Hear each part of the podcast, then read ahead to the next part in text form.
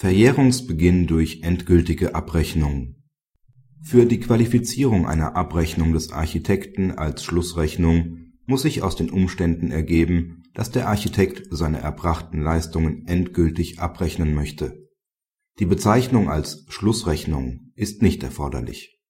Der Architekt macht Honorarforderungen aus einem im Jahr 2000 geschlossenen Architektenvertrag geltend.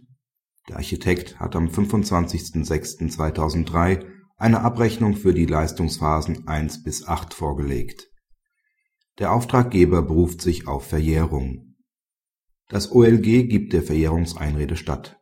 Es ist für eine abschließende Rechnung nicht erforderlich, dass in der Rechnung tatsächlich der Begriff Schlussabrechnung erscheint. Vielmehr reicht es aus, wenn aus den Umständen zu entnehmen ist, dass eine endgültige Abrechnung erfolgen sollte.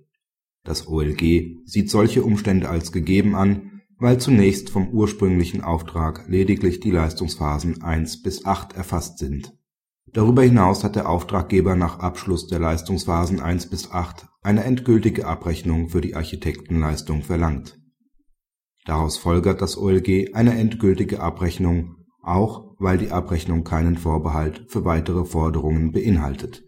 Praxishinweis Das Urteil ist nach altem Schuldrecht zutreffend. Der Auftrag stammt aus dem Jahr 2000 und die Schlussrechnung ist nach dem 01.01.2002 gestellt worden. Daher ist nach Artikel 229 § 6 EG-BGB fraglich, welche Verjährungsfrist gilt, die kürzere nach altem Schuldrecht von zwei Jahren oder die längere nach neuem Schuldrecht von drei Jahren. Hier dürfte es einer Klarstellung des dritten Senats in der nächsten Zeit bedürfen